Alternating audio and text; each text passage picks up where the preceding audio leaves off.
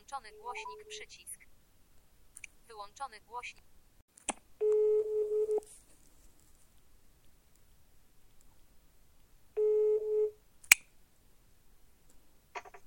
E, Witam w kolejnym odcinku podcastu Historia na luzie. Dzisiaj jest z nami pan Tomasz Zbieć, prowadzący e, fanpage Izdebki dawniej i dziś. Witam.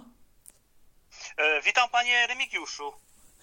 E, I właśnie tutaj z panem e, Tomaszem, no to dzisiaj byśmy porozmawiali na temat tego, e, co działo się na terenie Izdebek, ale podczas I wojny światowej, czyli jak można się też domyślić, dzisiaj znów akcent historii regionalnej. E, Tak, tak, e, oczywiście. Dziękuję za zaproszenie, e, tak w ogóle.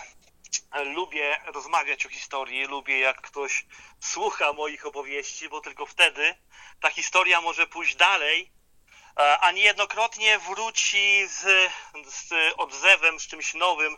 E, I właśnie dlatego powstała moja strona, między innymi.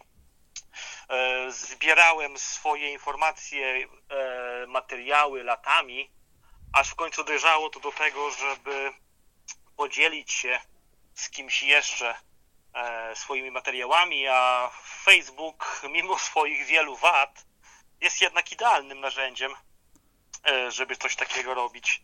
A tak jak pan e, na wstępie zaznaczył, pierwsza wojna światowa, tak, to jest, że tak powiem, mój konik, główny temat, który mnie zajmuje. A zupełnie przypadkiem dzisiaj mamy rocznicę tych wydarzeń, o których Pan wspomniał. Dokładnie mija 108 lat od bitwy, która rozegrała się w, na terenie e, między innymi mojej miejscowości, tak? Mm, Starły się e, wojska niemieckie z wojskami rosyjskimi. E, Tak to funkcjonuje w, w przestrzeni historycznej, tak to wszyscy znamy z historii. Jednak e, jeżeli zagłębić by się w ten temat, e, to tutaj wychodzi e, ta wielka tragedia naszego narodu, bo e, wiadomo, wtedy Polski nie było podczas e, I wojny światowej. I tutaj w tej bitwie brali udział głównie żołnierze pochodzenia polskiego, siłą wcieleni do armii zaborczych i spoczywają na miejscowych cmentarzach właśnie głównie e, Polacy, na tych tablicach są głównie polskie nazwiska. Rozgadałem się strasznie, może chce pan coś e, dokładniej? Y, No właśnie, no bo tutaj, ym, no właśnie, no bo to tak jak mówiłem, wa- warto promować też y, historię y, danego ym, regionu, no bo tutaj wiadomo, że w tej historii całościowej, no to nie znajdziemy na przykład y, często no, imion, y, nazwisk y, poszczególnych ludzi, którzy mieszkali w danym regionie, którzy albo y, odegrali jakąś y, rolę w historii, albo po prostu są to y, postacie y, trochę y, anonimowe, no bo tutaj wiadomo, dajmy na to, są cmentarze na przykład żołnierzy poległych w danym regionie, no ale wiadomo, mo- ci żołnierze właśnie są, są znani ewentualnie w tym, w tym danym regionie, w którym właśnie walczyli, dlatego warto upamiętniać tutaj ich, warto przekazywać o nich wspomnienie i nie tylko o żołnierzach, jak i o innych też ludziach, którzy też tutaj zasłużyli się dla danego regionu lub y, pamiętać po prostu o świadkach, którzy y, przeżyli tą historię, których to świadków już y, no też często z nami nie ma. Tak, tak, ma pan rację. W przypadku akurat tego wydarzenia, które staram się odkrywać, propagować, było dokładnie tak, jak pan mówi. Od dziecka, interesując się historią, e, nigdy nie znalazłem jakichkolwiek publikacji na temat e, tej bitwy. W ogóle pierwsza wojna światowa w naszych okolicach od zawsze była wyjaśniana w ten sposób. U nas nic się nie działo. Moja wioska Izdebki, Izdebki Kośmidry, tak dokładnie, bo jest to zbiór wiosek, tak dokładnie wymienię Izdebki Wąsy, Izdebki Błażeje, Izdebki Kosny i moje rodzinne Izdebki Kośmidry. E, Oficjalnie w czasie I wojny nic się tu nie działo, a było to po prostu niemożliwe, bo moje wioski leżą na tak zwanej e, bramie brzeskiej, czyli jest to e, główny kierunek natarcia zawsze ze wschodu na Warszawę. Wszystkie armie przetaczały się tędy i tak jak pierwsza, tak jak druga wojna, tak jak wojna polsko-bolszewicka zostawiła tutaj straszne ślady. A do odkrycia, że tak powiem, ponownego tej bitwy, funkcjonuje ona pod nazwą Bitwa pod Korczówką, przyczyniła się e, wydatnie pani z Wielkopolski. Pani Danuta Wyciągowska, wymienię ją tutaj, bo ona zasługuje na, na wyróżnienie, szukała grobu swojego dziadka, który poległ podczas I wojny światowej i mm, wiele lat szukała jego grobu.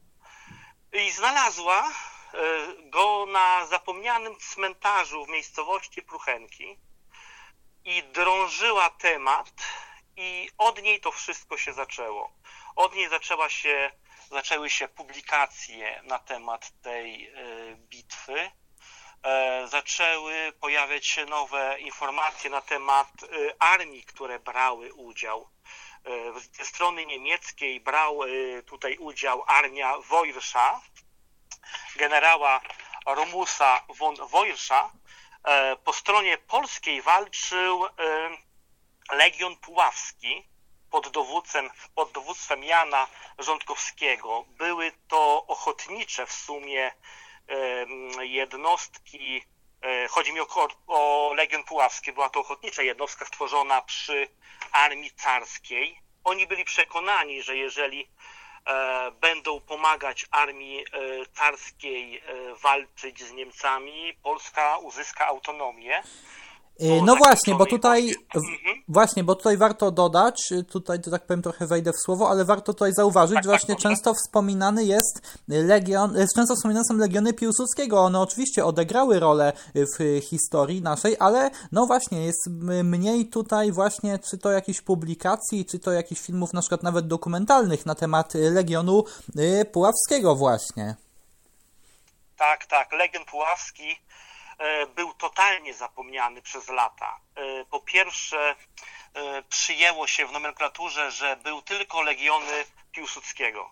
Nikt nie wspominał o Legionie Puławskim. Legion Puławski był w pewnym sensie niewygodny po wojnie, w czasach komunistycznych.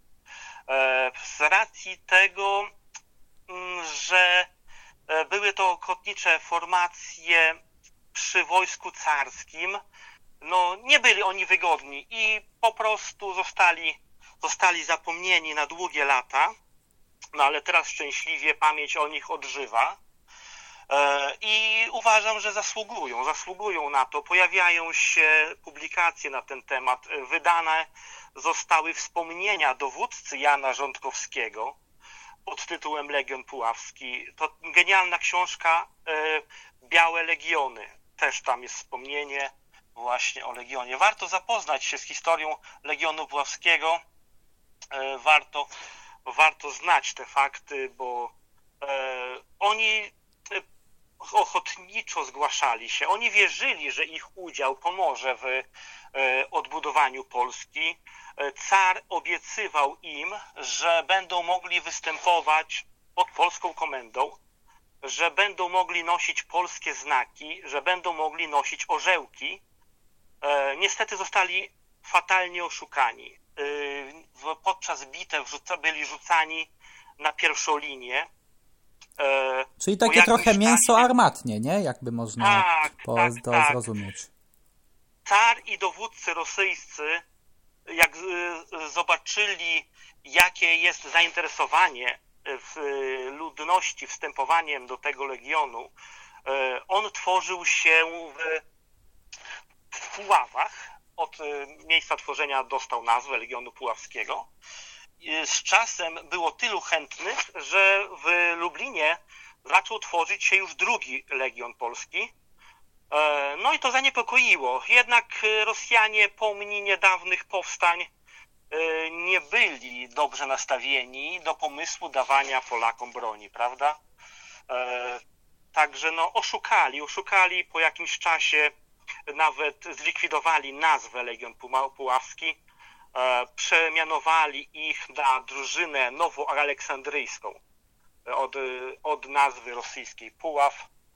E, No wtedy morale spadło, spadło strasznie.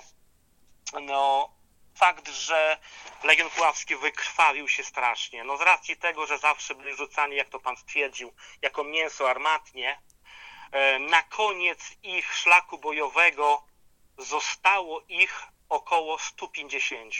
To była, to była naprawdę e, praktycznie wszyscy zostali wytraceni. E, A tutaj właśnie e, bitwa, bitwa pod Korczówką trwała dwa dni. E, Straty były duże po obu stronach. Ile dokładnie? E, Nie wiemy, a z tego powodu, że archiwa niemieckie spaliły się podczas II wojny światowej, a archiwa rosyjskie praktycznie chyba nie istnieją. Nigdy nie możemy znaleźć spisu poległych. E, Także polegli z, ze z strony rosyjskiej nie są wymienieni w ogóle, nie znamy żadnego imienia, nazwiska poległego. A poległo tutaj tysiące, bo w ogóle bitwa pod Korczówką jest częścią e, niewielką, dużej bitwy, tak zwanej bitwy międzyrzeckiej. I tutaj musimy wrócić do tematu Legionów Piłsudskiego, jeśli pan pozwoli. Jasne. E, Le, e, Legiony i Legion Puławski w momencie tworzenia się zawarł taką niepisaną umowę. Wszyscy wiedzieli, że po stronie niemieckiej, austro-węgierskiej e, walczą Legiony Piłsudskiego i ci Polacy wstępując do Legionu Puławskiego wstępowali pod warunkiem, że nigdy nie zostaną użyci do walki przeciwko legionom polskim po stronie niemieckiej. I po części tej umowy dotrzymano, bo w bitwie międzyrzeckiej e, legiony Piłsudskiego były, chociaż biorąc udział w, w tej samej operacji, byli zupełnie w innym rejonie frontu, czyli fizycznie Legion Puławski nie starł się nigdy z legionami Piłsudskiego, aczkolwiek z Polakami walczył, no bo walcząc z armią Wojtsza, walczył z e, ludźmi wcielonymi, e, z Polakami wcielonymi z zaboru pruskiego, ze Ślązakami, z mieszkańcami Wielkopolski. Także no były to, były to walki bratobójcze. E, czytając wspomnienia e, uczestników, e, bardzo dobry czas teraz przyszedł, bo pojawiają się małe wydawnictwa, które wznawiają stare wydania pamiętników, e, przedwojenne wydania, które dzisiaj nie miałyby szansy uda- ukazać się, się za, za, w takich większych wydawnictwach. Małe wydawnictwa biorą się za to. Jest to genialne i chwalebne i oby tego więcej e, można było e, dostać. I właśnie w tych wspomnieniach żołnierze opowiadają, że po zdobyciu, polscy żołnierze oczywiście, e, w armii niemieckiej, po zdobyciu okopów zajmowanych przez armię rosyjską, niejednokrotnie znajdywali potop Sienkiewicza, e, książki polskie. No także mam nadzieję, że nigdy nie, nie, nie, wrócą te czasy, żeby Polak musiał strzelać e, do Polaka. Rozgadałem się, ale no niestety taka moja przypadłość, e, że jeżeli... Ale to też właśnie o to chodzi. O to chodzi właśnie tutaj. Dobrze, że Tak, nie tak. trzeba y, ciągnąć za język tutaj, że rozmowa się klei właśnie. No właśnie, bo to właśnie, przecież, przecież czasami tutaj właśnie zdarzały się walki bratobójcze między Polakami podczas pierwszej wojny światowej. No właśnie, i tak jak pan wspomniał właśnie, że należy tutaj no tutaj właśnie y, należy też właśnie i cieszyć się z tego i należy y, właśnie upamiętniać ludzi, którzy brali udział w tamtych y, wydarzeniach. Dlatego właśnie do, dobrze, że tutaj wydawnictwa właśnie y, wznawia, y, publikują tutaj pamiętniki ludzi, którzy brali udział w tych y, wydarzeniach. Tak, tak, tak. Mam nadzieję, że już niedługo będę mógł podać tytuły, bo sporo rzeczy jest w przygotowaniu. Dzisiaj nie chcę, nie chcę palić tematów, e, ale dużo, dużo dobrego e, robią te działania, tak jak tej pani właśnie z Wielkopolski, która odnalazła dziadka e, swojego tutaj wśród poległych i ona, powiem tak, otworzyła ludziom oczy na historię tej bitwy i wielu e, wydarzeń w okolicy. Do tej pory ludzie przekonani byli, e, że to nie była nasza wojna. E, Zniszczenia były na naszych terenach okrutne, bo armia rosyjska miała rozkaz tak zwanej spalonej ziemi. W odwrót rosyjski na, z Królestwa Polskiego tutaj odbywał się w sierpniu. E, Oni palili wioski, palili domostwa, e, palili zasiewy na polach niezebrane jeszcze. Rozkaz od cara pole brzmiał, aby wkraczająca armia niemiecka nie zastała nic, co mogłaby wykorzystać. E, I tutaj dużą rolę odegrali legioniści Legionu Puławskiego. Oni szli przez swoje rodzinne tereny. Wielu pochodziło z tych wiosek. Oni siłą bronili przed rosyjskimi podpalaczami. Oni byli tylko małą cząstką tej wielkiej armii, e, ale bronili e, miejscowej ludności właśnie przed e, okrucieństwem Rosjan.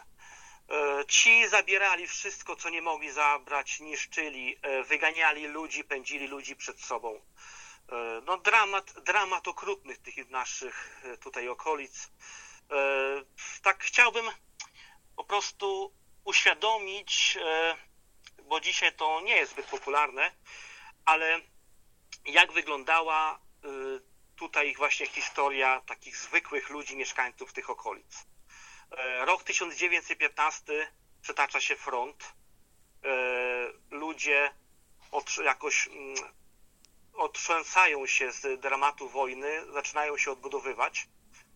Może niejednokrotnie już się odbudowują swoje domostwa. E, Rok 1920, wojna polsko-bolszewicka. Przetacza się tędy. Zniszczenia kolejne. E, Front wraca e, po miesiącu. Mamy jakiś czas względnie spokojny, 39, znowu wojna. 45, znowu przetacza się front. Naprawdę mm, ciężko, ciężko żyje się w tym rejonie, e, tak zwane, jak już powiedziałem, dzisiaj często się mówi z racji zagrożenia ze strony białoruskiej, właśnie mówi się o e, bramie brzeskiej, ale no taki jest, taki jest fakt. E, Tak wyglądało życie, życie w tym. Ile, cytując tutaj film Sami swoi, jak Pawlak mówi do wjeżdżających czołgiem krasnoarmistów, ile razy można człowieka oswobadzać, prawda? No właśnie, i też warto tutaj, warto też zauważyć taką sytuację, no że tutaj dajmy na to, no y, jest na przykład, dajmy na to jakaś y, wioska, mm, no i na przykład wchodzą tam żołnierze jednego frontu na przykład, no to wtedy oni też jakby wiadomo oswobadzają na przykład, ale też szukają potencjalnych na przykład zdrajców, przykładowo. Potem za jakiś No tak. czas może inny front y, znowu y, mm, się tam przetoczyć i znowu jest takie jakieś szukanie tutaj właśnie y, tych, y, y, y, no, że tak powiem, potencjalnych y, kolaborantów, a czasami jest po prostu tak, że ludzie, no, y, współpracowali z okupantem nie ze względu nawet zysku, tylko po prostu y, chcieli y, przeżyć i po prostu ludziom było bardzo trudno się odnaleźć i bardzo też trudno przeżyć właśnie w tego typu y, sytuacji. Tak, tak, dlatego łatwo się patrzy na historię z dystansu 100, 80 czy iluś tam lat, a niestety realia były takie, jakie były. No, z tego co pamiętam ze wspomnień najstarszych ludzi, mieszkańców mojej wioski, e, jeżeli przetaczał się właśnie ten front I wojny światowej, wkroczył do naszej wioski, do Istepków Kośmiedrów, jest to odnotowane w dziennikach jednostki, e, wkroczył e, Legion Puławski, byli to żołnierze polskojęzyczni, czyli no nasi, tak? Jesteśmy pod e, e, rządami cara, żołnierze carscy mówiący po polsku nasi. E, Mija dzień, wycofują się, okopują się na swoich pozycjach, gdzie później za dwa dni rozegra się bitwa, wkraczają Niemcy, którzy też mówią po polsku i też twierdzą, że oni są Polakami, oni nas wyzwalają. No, no może nie twierdzili, że są Polakami, bo byli armią niemiecką, ale jeżeli mówili po polsku, to niejednokrotnie takie, bo wiem z relacji ludzi, że takie były e, rozmowy. I co taki miejscowy mieszkaniec mógł sobie pomyśleć? No, jest to, jest to, jest to dramat historyczny nasz. A jeszcze wrócę e, właśnie do tej historii e, wkraczania Niemców tutaj do mojej miejscowości. Jako małe dziecko, i jeszcze jadąc z moim tatą do prac na łąkach u nas zaraz za wioską rozległe e, bagna rozpoczynają się, e, źródła rzeki Liwiec i e, właśnie zawsze fronty przedwalały się dwoma przesmykami, przez które można było przejść tak zwaną suchą nogą, gdzie sprzęt mógł przejechać. I właśnie tata opowiadał mi, że jego tata mu opowiadał, że byli świadkami, jak na brzeg tego bagna przyszedł niemiecki generał ze swoim sztabem i rozkazał jednemu z żołnierzy wejść na to bagno, sprawdzić grunt. E, Żołnierz wszedł. e, Bagno, te szuwary, pod jego ciężarem jakoś e, ta skorupa wytrzymała, ale kilkanaście metrów dalej roz- rozległo się bulgotanie. I generał stwierdził, że no tędy nie przejdziemy, a plano, plany były takie, żeby właśnie najmocniej umocnione rejony przejść e, bagnami. E, I ja wtedy mówię, tata, e, przecież tutaj nic się nie działo. Pani historyczka mówiła, że u nas żadna wojna nigdy nas nie dotknęła. No to jaki generał? Jest to niemożliwe. No dzisiaj już trochę czasy się zmieniły, mamy dostęp do archiwów. E, już wiem, jak ten generał miał na nazwisko, wiem, kiedy on był i wiem, że e, była to prawda. I e, bardzo przyjemne uczucie odkrywać jakieś takie dziecięce kiedyś wątpliwości. Dzisiaj wiem, że, że mogę to sprawdzić, e, mogę to potwierdzić. W ogóle przy okazji wspominania o archiwach muszę podziękować. Mam genialnego pomocnika, e, mojego kuzyna, który orientuje się genialnie w archiwach polskich, zagranicznych, bardzo mi wydatnie pomaga w odnajdywaniu map, zdjęć. Chciałbym pozdrowić i podziękować bardzo e, Grzegorzowi Grochowskiemu. Także dziękuję Ci, bracie. No właśnie, no bo na podstawie dokumentów właśnie no, odtwarza się właśnie, odtwarza się y, tutaj właśnie historię, odtwarza się y, też y, y, dzieje. No bo wiadomo, żeby, żeby na przykład, y, żeby na przykład jakąś historię przedstawić, no to najpierw trzeba ją też y, odkryć tutaj, co też jest jednak, co też jednak często no jest, jest to po Tak. prostu bardzo czasochłonne, dużo pracy też trzeba w to włożyć. Tak, tak. No i trzeba mieć y, dużo doświadczenia jednak. E, e, Przeglądanie archiwów dzisiaj już jest dużo prostsze. Mamy dostęp, kolejne, kolejne archiwa digitalizują swoje zbiory. Już nie trzeba jechać, umawiać się. Ostatnie czasy pandemii strasznie ograniczyły dostęp do archiwów. Także trochę nam tę działalność ostatnio zakłóciła e, pandemia COVID-u, ale już wraca wszystko do normy. No i teraz właśnie mówię, dużo jest materiałów zdigitalizowanych, dużo łatwiej jest tworzyć w ogóle drzewa genealogiczne. Akty są dostępne. No jest dużo łatwiej, że ktoś interesuje się historią, historią swojej rodziny, e, ma, ma ułatwione e, teraz poszukiwanie przodków.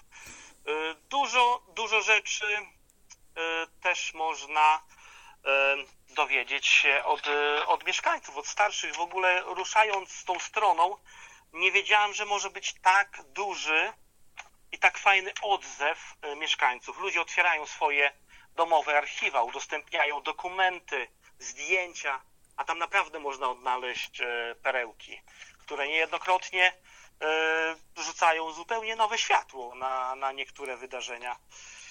Bo są też legendy. Startując ze stroną swoją na początek chciałem ludziom przybliżyć legendę bardzo ciekawą, e, jak powstały e, nasze miejscowości. No ale to już może e, na inny materiał temat, bo rozgadałem się strasznie. Może jeszcze, panie Remigiuszu, coś pana interesuje konkretnego? No ja chciałem zapytać po prostu, czy chciałby pan jeszcze coś tutaj tak dodać? E, W ogóle bardzo podoba mi się e, pański pomysł e, na historię na luzie. E, Historia opowiadana na luzie dużo łatwiej jest przyswajalna, jest dużo chętniej czytana, słuchana. Musimy wziąć pod uwagę też dzisiejsze młode pokolenie. No ja może nie jestem staruszkiem, ale już widzę, jak młodzież podchodzi do historii. Młodzież musi być zachęcona. Y, jakieś anegdoty muszą być ciekawe. Ciekawostki też. Tak, nienawidzą twardych faktów, dat, zdarzeń. Musi to być jakoś okraszone e, jakąś ciekawostką. I w ogóle nawet mm, e, dzisiaj dzieci dużo chętniej interesują się historią nawet swojego regionu, jeżeli mogą zajść, zobaczyć, że w lesie, który od dziecka omijają, chodzą tam na grzyby, w jakimś tam miejscu są jakieś zagłębienia w ziemi, e, a to są ślady e, sprzed wieków. Na przykład u mnie w okolicy pierwsze ślady izdebek to kurhany z VII wieku. E, Wiele osób nie miało świadomości, co to jest. Dopiero teraz z zaciekawieniem pytają, e, czy to faktycznie ta górka, którą tam, e, na której zawsze rosną prawdziwki, czy to jest faktycznie ten grób e, kniazia z VII wieku. Tak, to jest właśnie to miejsce. Zostało przebadane przez panią doktor Joannę Kalagę, archeologa z Warszawy, która e, badała e, nasze okolice. Mamy w okolicy bardzo bliskiej, bo w promieniu 15 kilometrów trzy grodziska, e, sporo kurhanów, ślady starych dymarek. Byliśmy w średniowieczu zagłębiem hutniczym, występuje u nas ruda darniowa. Także no, spokojna wioska na wschodzie Mazowsza, niektórzy mówią na południu Podlasia, sporna kwestia, ale mamy tak bogatą historię, że e, no, mógłbym panu opowiadać jeszcze przez godzinę, ale myślę, że może e, niektórych już by to znużyło. No, myślę, że tutaj historia regionalna jest y, ciekawa, ale wydaje mi się, że na dzisiaj będziemy już y, kończyć, ale gdyby co, to zapraszam tutaj jeszcze, y, gdyby jeszcze tutaj była chęć wystąpienia właśnie, no to również, również Dziękuję. zapraszam. I Jeszcze raz dziękuję za zaproszenie, panie Remigiuszu. Gratuluję pomysłu historii na luzie. no, dziękuję. A, I mam nadzieję do usłyszenia. Ja też chciałem podziękować słuchaczom za wysłuchanie dzisiejszego odcinka. E, no i y, jak ja to mówię zawsze, to by było na tyle i do usłyszenia w następnym odcinku. Do usłyszenia, dziękuję. Okno kal.